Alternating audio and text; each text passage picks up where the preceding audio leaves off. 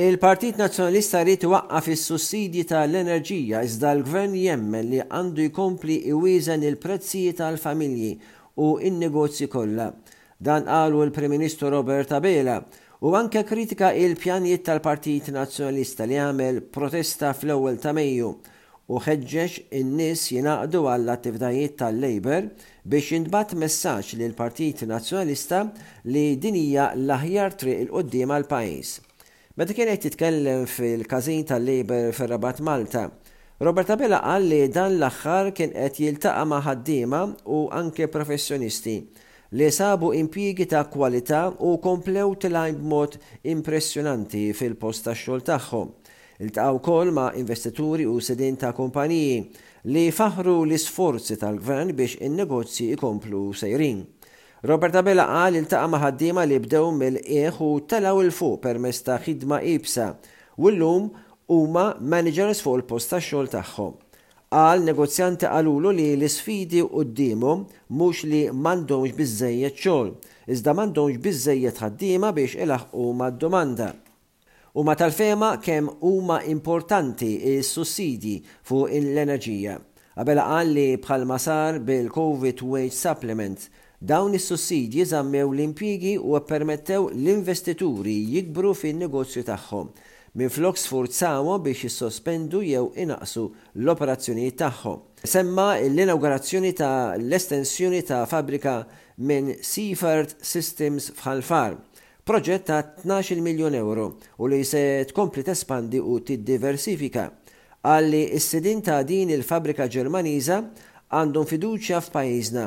Huwa ħeġġeġ lill-Maltin u l-Għawdxin u żgħażagħ biex ikunu tal-ewwel li jieħdu l-opportunitajiet ta' xogħol fejn din il-kumpanija se timpjega iktar inġiniera, ħaddiema b'ħiliet u nies tekniċi.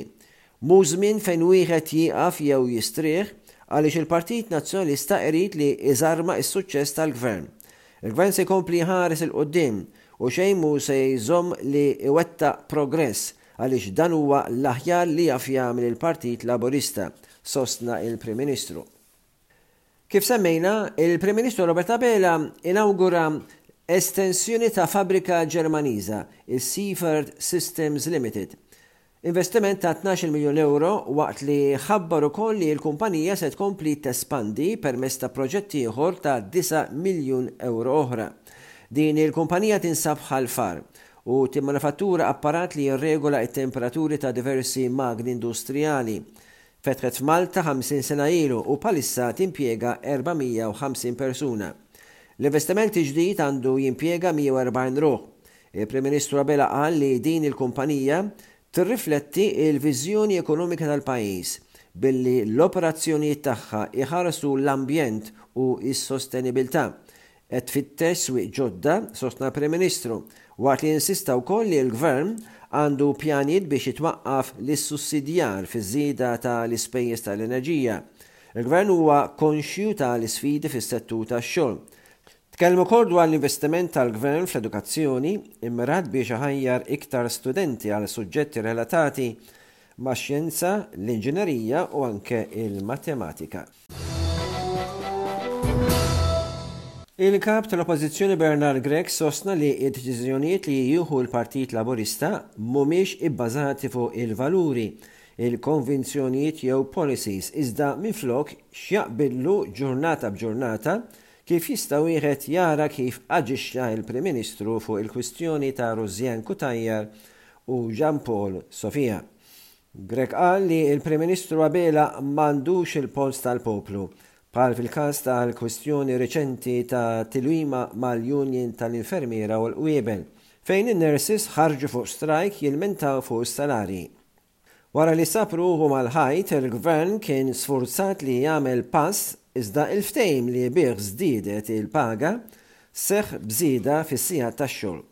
L-infermiera qalu li qed ikollhom jaħdmu b'iżżejjed, li juri li l-Prim Ministru Abela jara lil dawn il-ħaddiema qishom dubbien.